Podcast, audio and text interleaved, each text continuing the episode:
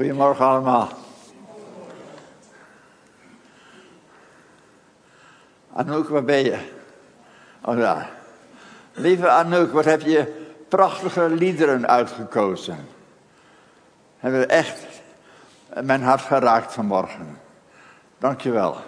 Zangers en muzici, dank je wel. Lieve mensen, allereerst wil ik jullie bedanken voor heel veel kaartjes, berichtjes en andere dingen rond het overlijden van mijn vrouw Fanny. Uh, jullie betrokkenheid is super gewaardeerd. Met veel andere mensen voel ik me echt heel reëel, heel echt gedragen door jullie gebeden en door jullie liefde. Dank jullie wel.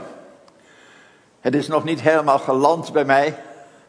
Ik weet het. Ze is er niet meer, maar ik voel het nog niet. Gisteren, gisteren luisterde ik naar uh, iets van de EO, uh, zang, een zangavond. En opeens dan hoorde ik mezelf zeggen: Lieverd, is het te hard? Maar ze was er niet meer.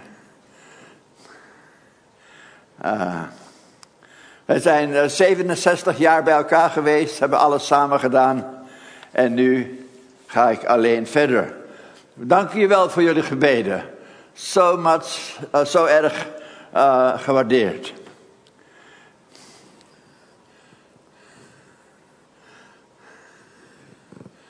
Jullie zijn met Christus uit de dood opgestaan. Verlang daarom naar de dingen die in de hemel zijn, waar Christus naast God op de troon zit. Geef de hemelse dingen de eerste plaats in je leven en niet de aardse dingen. Want jullie zijn al dood wat de aardse dingen betreft. Jullie nieuwe leven is nu met Christus in God verborgen. Lieve mensen, ik wil vanmorgen met jullie in mijn korte overdenking nadenken over de, de zichtbare en de onzichtbare wereld. We kijken meteen naar de tweede dia. De zichtbare en de onzichtbare wereld. De natuurlijke wereld en de geestelijke wereld. De wereld van God, onze hemelse Vader, en de wereld van duistere krachten, demonen en de boze, Satan. De wereld van mensen en huizen en bomen en bossen en bloemen en de, eh, maar ook de niet zichtbare wereld. De gebroken wereld en het koninkrijk van God, waar heelheid is in plaats van gebrokenheid. We na, met jullie nadenken over, over de zichtbare en onzichtbare wereld. En het lijkt mij goed, het lijkt mij goed wel vanmorgen om in deze context ook even te spreken over de droomwereld. De droomwereld. Want sommige mensen, ook in Gods koninkrijk, leven in een soort droomwereld. Er wordt op dit moment heel veel reclame gemaakt in Nederland, heel veel reclame gemaakt in Nederland over een boek getiteld God geneest altijd. God geneest altijd. Als je ziek bent, God geneest altijd. Er zijn in Gods kerk mensen die dit fanatiek geloven. Maar de realiteit, de werkelijkheid van het leven is anders.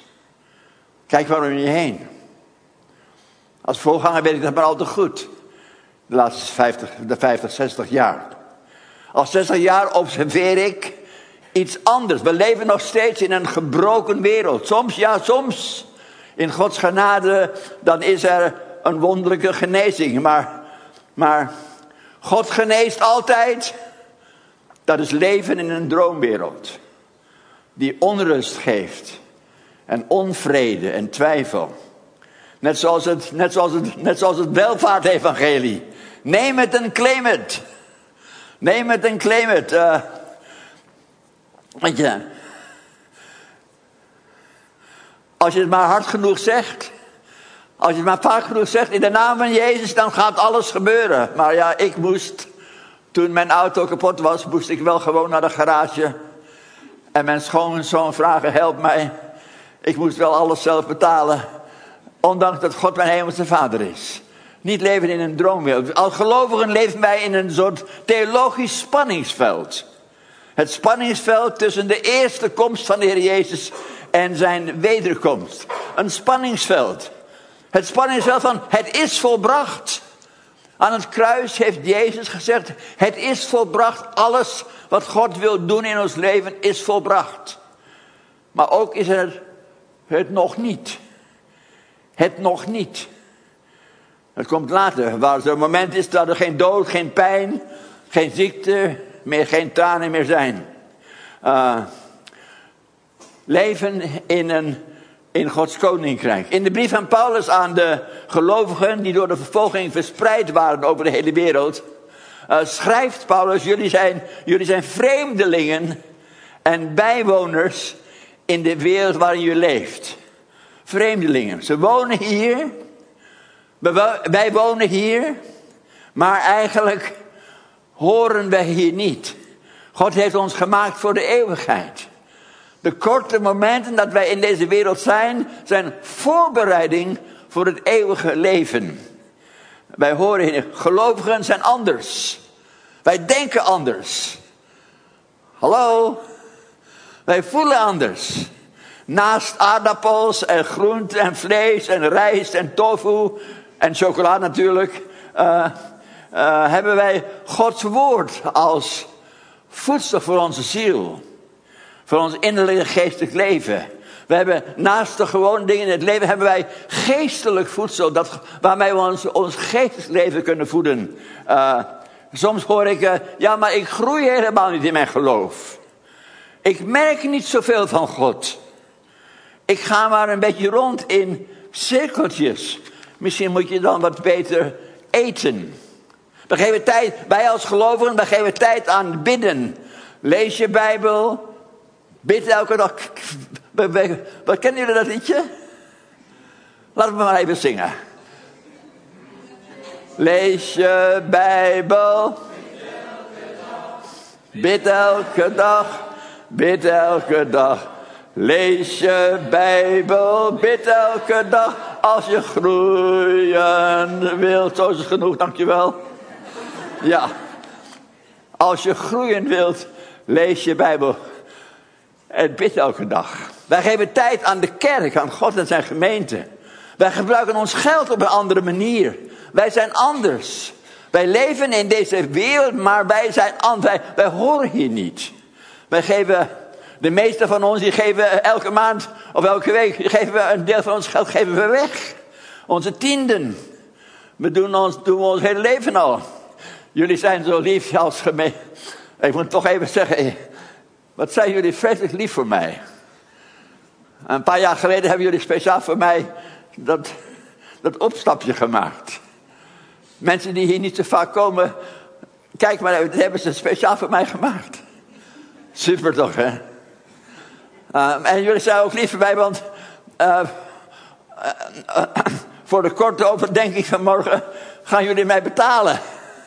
Ik krijg een beetje geld van jullie. En daar geef ik ook weer van weg. Ik geef het gewoon weer weg. Wij geven onze tien. Wij, geven, wij zijn anders dan de mensen in deze wereld. wij leven op een andere manier. Daarom, daarom zegt de Gods woord ook tegen ons vaak, word niet gelijkvormig aan deze wereld, maar Gods koninkrijk. De heer Jezus zegt in zijn hoge gebed in Johannes 17, dat wij, wij, wij, wij, wij, zijn in de wereld, maar wij horen hier niet. Wij horen hier niet. Uh, en dat is ook de betekenis van het opnieuw geboren worden. Het wederom geboren worden. Het opnieuw geboren worden. Sommigen van jullie zijn één keer, uh, nee, Elk van ons is één keer geboren. In Tiel, in Tiel, Geldermalsen, Buren, Maurik, ik dan in Haarlem. Uh, we zijn al en sommigen van ons, of misschien wel de meeste van ons, die zijn ook voor een tweede keer geboren. Geboren in Gods koninkrijk. Misschien mag je wel even vragen, wie weet van zichzelf, ik ben wedergeboren in Gods koninkrijk. Yes! Opnieuw geboren. Een nieuw leven. Een ander leven.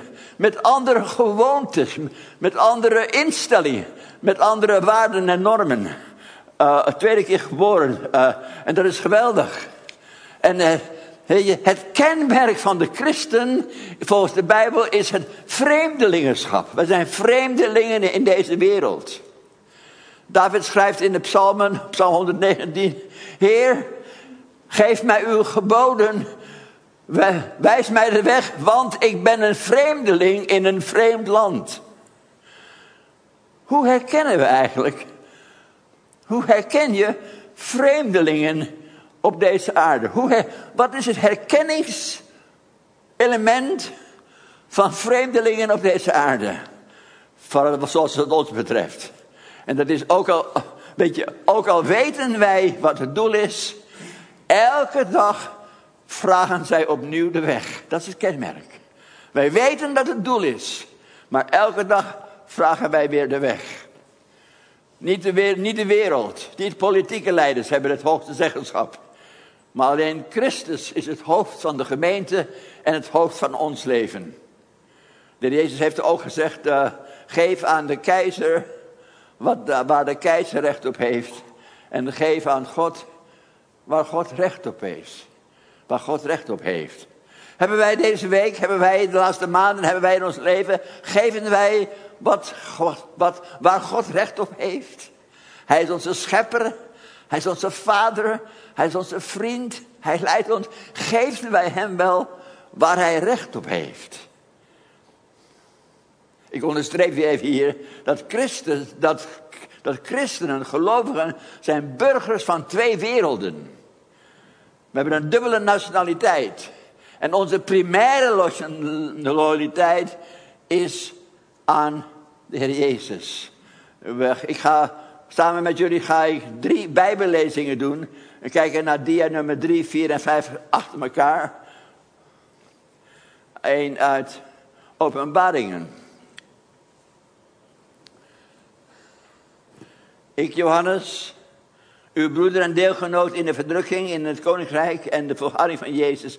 Ik was op het eiland genaamd Patmos om het woord Gods en het getuigenis van Jezus.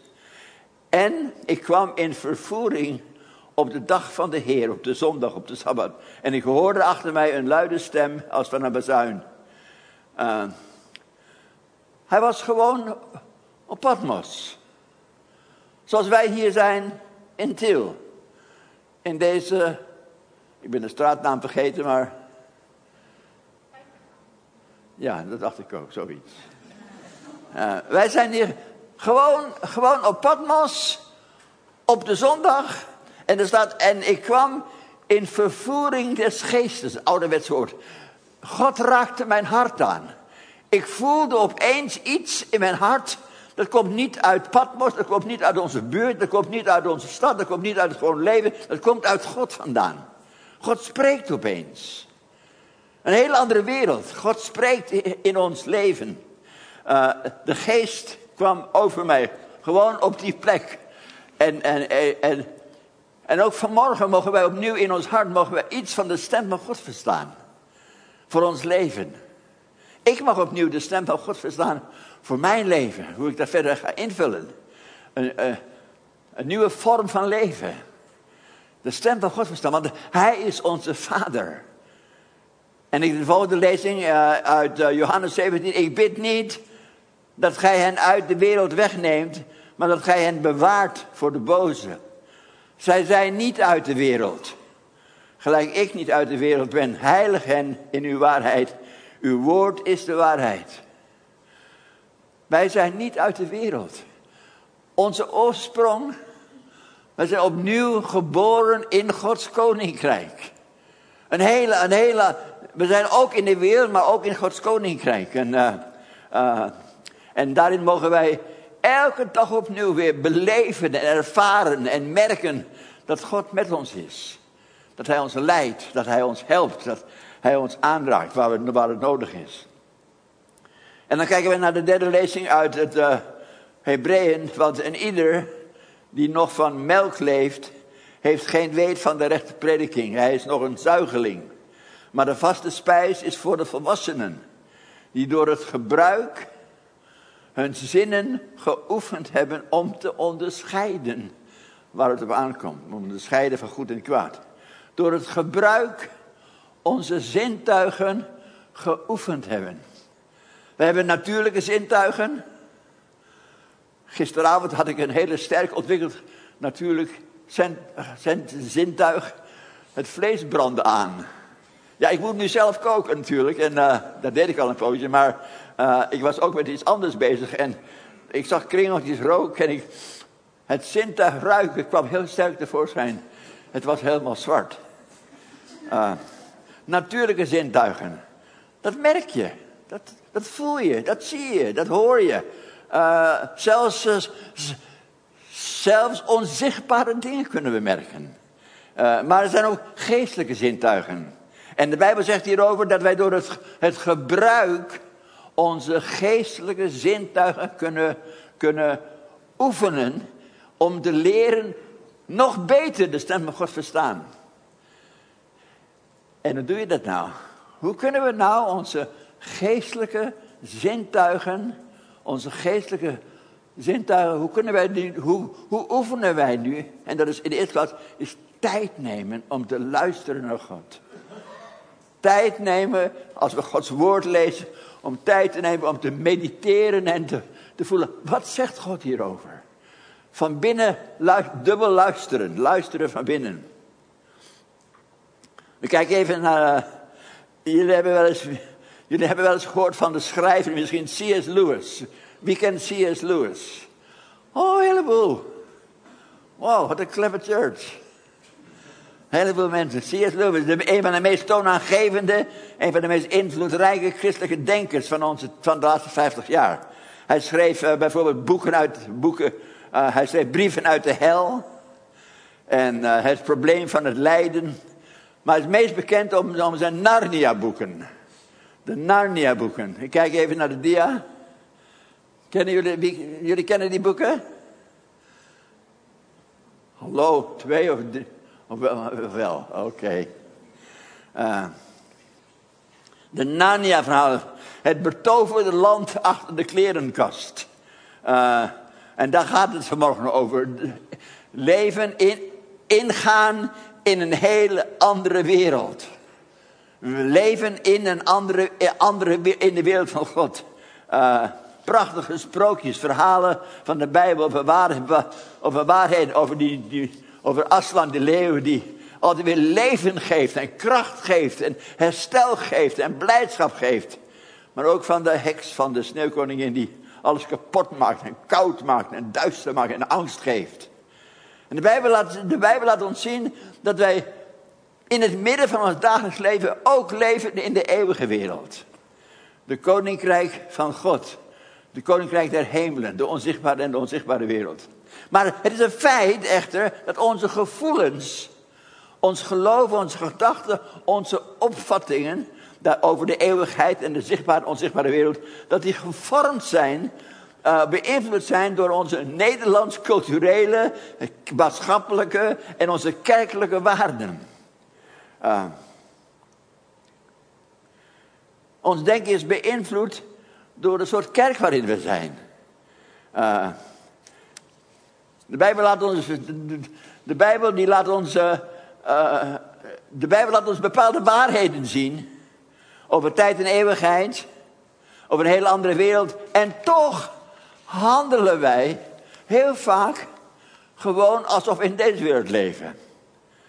Uh, veel mensen en veel gelovigen. Ik lees. Kijk maar even naar de dia.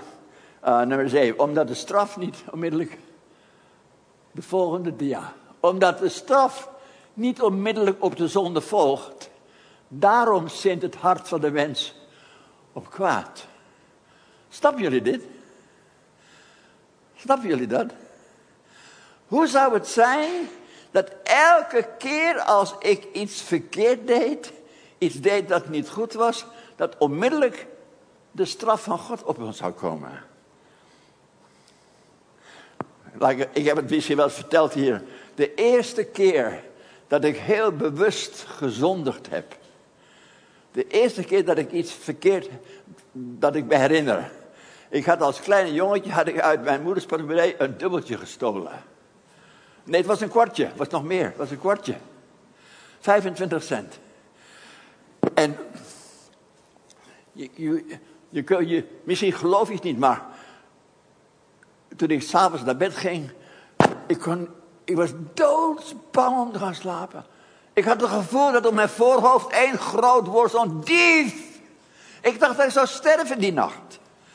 Ik dacht dat ik dood zou gaan. Ik, er was iets gebeurd. Ik had iets gedaan dat niet mocht. En het was zo vreselijk erg. Eh, maar ik werd de volgende dag gewoon wakker. Er gebeurde niets. En dat leidde mij tot, tot de tweede keer een kwartje pakken. En een derde keer. Uiteindelijk kwam ik daar op het verkeerde pad en daardoor in de jeugdgevangenis. Mijn, mijn oude leven. Uh, omdat de straf niet onmiddellijk op de zonde volgt, daarom zint het hart van de mens op kwaad. Maar wij leven, in een, wij, leven, wij leven niet alleen maar in de wereld van vandaag, maar wij leven ook in de wereld van de eeuwigheid, elk van ons. En uh, er gebeurt heel veel, er gebeurt heel veel in de geestelijke wereld.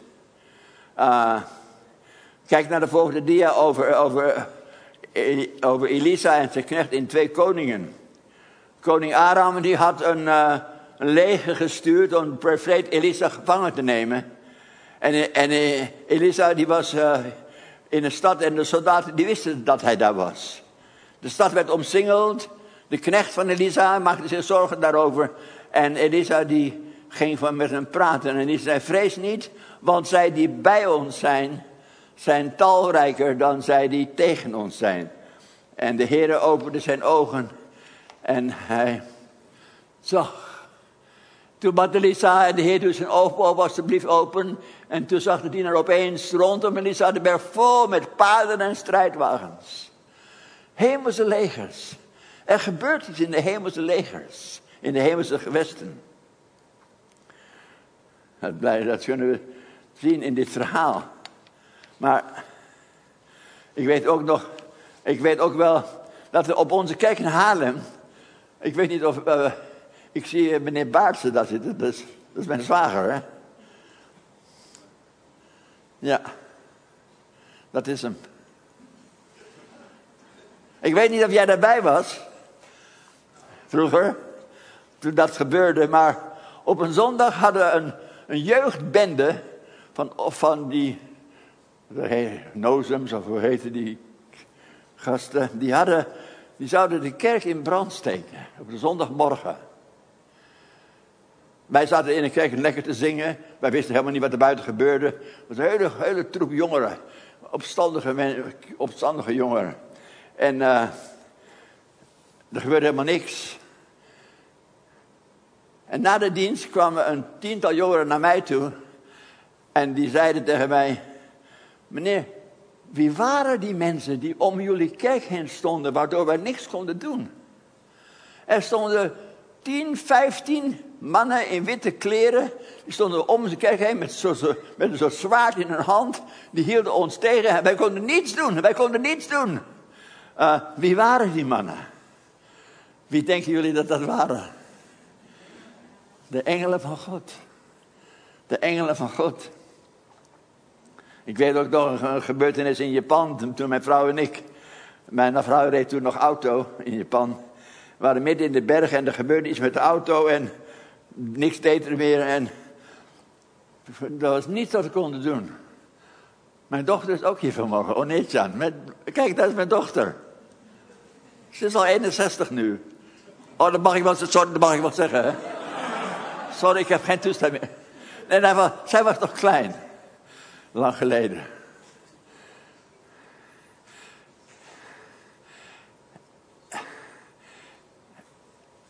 En wat kunnen kinderen wijs zijn, hè? Toen wij zeiden, ja, wij weten niet wat we moeten doen. Dus mijn dochter zei, nou pap, dan ga je toch bidden? Dan ga je toch gewoon, zo hoort het, dan ga je gewoon bidden. En opeens kwamen er twee mannen. Opeens zomaar We zagen ze niet aankomen. Twee mannen waren er en die, zonder iets te vragen, deden zij de motorkap open en ze gingen daar iets in doen. Wat weet ik ook niet, maar iets, iets, heel, in, iets heel intelligents. En uh, ze startten de auto weer en toen waren ze weg. Je weet het niet meer, hè? Zo vaak hebben we mogen ervaren, en jullie ook natuurlijk ervaren, dat er is een geestelijke wereld. Er is een wereld achter deze wereld. En lieve mensen, de uitdaging van vanmorgen is dat wij, dat wij, ondanks dat wij leven in de gewone wereld van vandaag, van pijn en van verdriet en van zorgen, van blijdschap en van vreugde, van alle dingen, mooie kleren, een mooie auto of een minder mooie auto.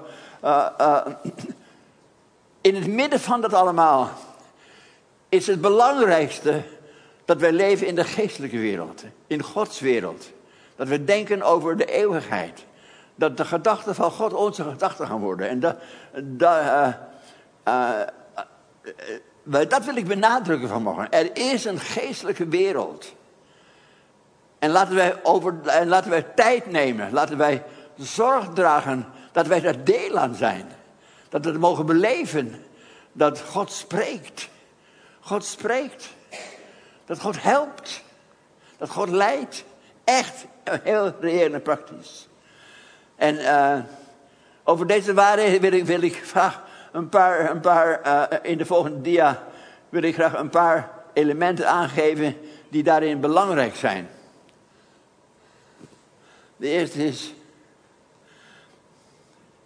wees nooit tevreden over jezelf. In plaats van de huidige situatie van jouw leven als normaal te beschouwen, wees niet tevreden over waar je nu bent. Maak een nieuwe stap. Groei in je geloof. Groei in je vertrouwen. Wees niet tevreden over jezelf. De apostel Paulus die zegt, ik heb geleerd, ik heb geleerd, zegt Paulus, met alle dingen tevreden te zijn. Maar als hij spreekt over zijn geestelijk leven, dan zegt hij: Ik jaag naar het doel. Ik zoek, ik vraag, ik klop, ik jaag naar het doel om hem te begrijpen. Wees nooit tevreden over jezelf. Misschien gaat het best goed met je. Misschien gaat het minder goed met je. Maar wees niet tevreden. Doe een nieuwe stap. Ga. Uh, ik weet het Nederlandse woord niet, uh, voeg, iets toe, voeg iets toe aan je geestelijk leven en zoek daarnaar. Uh, in, plaats van, uh, in plaats van een mate van ik ben wel tevreden, stel je leven op voor een radicale verandering. Groei, een groeistap in je leven met God. daar op het moment dat wij met terughoudendheid en heel voorzichtig met kleine stapjes uh, uh, proberen te verder te komen, dan is het bijvoorbeeld al mislukt. Geestelijke zaken zijn zo belangrijk dat ze vragen om passie en om inzet en doorzettingsvermogen. Geestelijke dingen, dingen van de eeuwigheid, dingen van Gods wereld zijn zo belangrijk. Die, die vragen om passie, die vragen om inzet, die vragen om door te breken. De Bijbel zegt in Matthäus, het koninkrijk van hemel breekt baan met geweld. En geweldenaars grijpen ernaar. Wat wil je zijn? Een slappeling of een geweldenaar? Wie wil een slappeling zijn? Een keus. Wie wil een geweldenaar zijn? zoeken naar. Actief zoeken naar je leven veranderen. Onder, misschien ben je al, misschien zit je al twintig jaar in de kerk. We zingen dezelfde liederen vaak, we, zingen doen dezelfde liturgie. Alles is heel erg voorspelbaar. Maar laten we ook in ons leven het nieuwe van God een plek geven. In, uh, in plaats van afwachtend, in plaats van afwachtend en passief te zijn.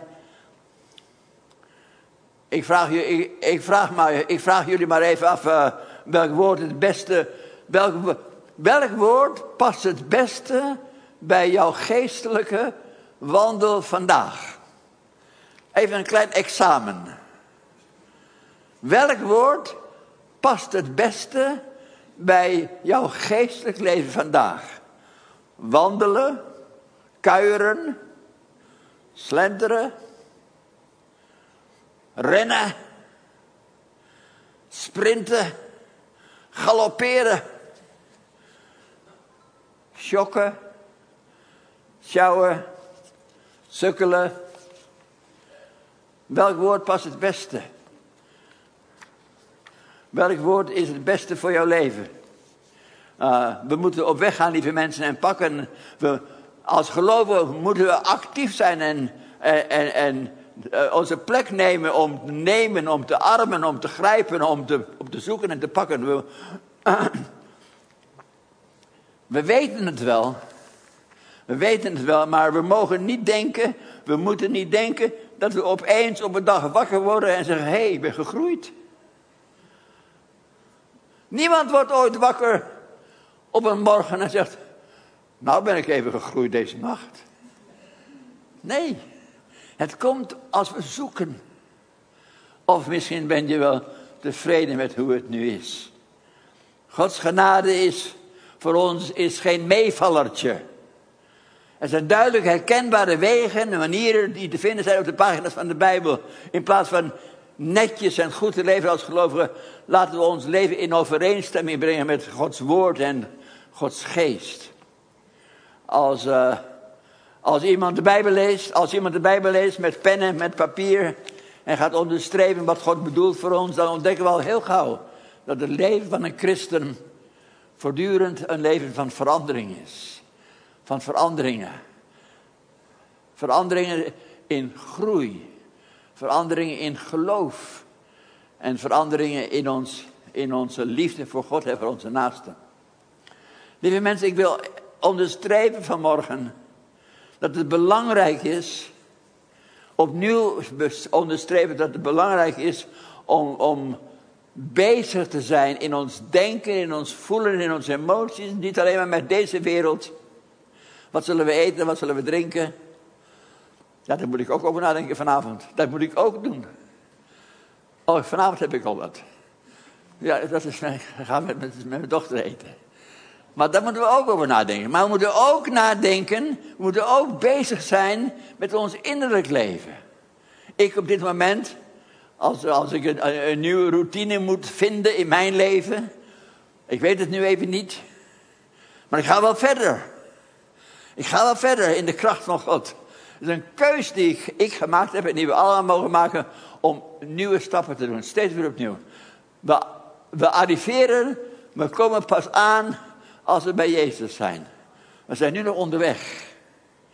En het onderweg kan heel saai zijn. Maar het kan ook geweldig exciting zijn. Geweldig.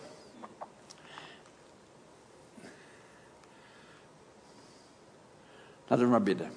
Vader in de hemel. U kent elk van ons persoonlijk. U weet precies in welke situatie wij zijn en welke woorden van deze morgen passen bij ons. Als we mooie, prachtige woorden gezongen hebben van uw grootheid, van uw majesteit, van uw tegenwoordigheid in ons leven. Heer, dan willen we vanmorgen opnieuw, opnieuw een moment stilstaan.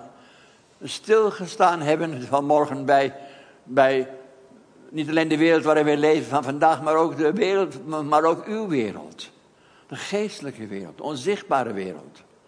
En we danken u dat daar allerlei dingen in gebeuren. En help ons. U heeft ons gemaakt niet voor deze wereld, u heeft ons gemaakt voor de eeuwigheid. Help ons om dit nu al te beleven. De kwaliteit van ons leven nu al te beleven. Dat wat er ook gebeurt in ons leven, dat u ons kracht geeft. Dat wat er ook gebeurt in onze omstandigheden, dat u altijd de oplossing geeft. Soms, soms is het anders dan wij denken, maar u geeft altijd weer de oplossing. Wij voelen ons veilig bij u. Heer, we beleiden deze morgen dat wij uw kinderen zijn. Wij zijn kinderen van God. God is onze vader. Hij is onze behoeder, hij is onze vriend. En wij schuilen deze morgen opnieuw bij u. Voor de week die voor ons ligt, voor de weken die voor ons liggen. Wij schuilen bij u. En als de dienaar van het evangelie wil ik jullie zegenen vanmorgen. Met het voelbare, tastbare, beleefbare aanwezigheid van God in het leven. Dank u wel voor het leven van deze wereld, onze auto's, onze huizen, onze vrouw, onze kinderen, ons speelgoed, onze kleren, de mooie dingen die we hebben, vakanties. We danken u daarvoor. Maar we danken u ook voor datgene dat echt waarde heeft. Dat blijft voor altijd, ondanks als er alles wegvalt. En we zegenen elkaar met de zegen van God die alles gemaakt heeft. En die altijd verder gaat om ons te zegenen. Gemeente, ik wil jullie zegenen in Jezus' naam. Amen.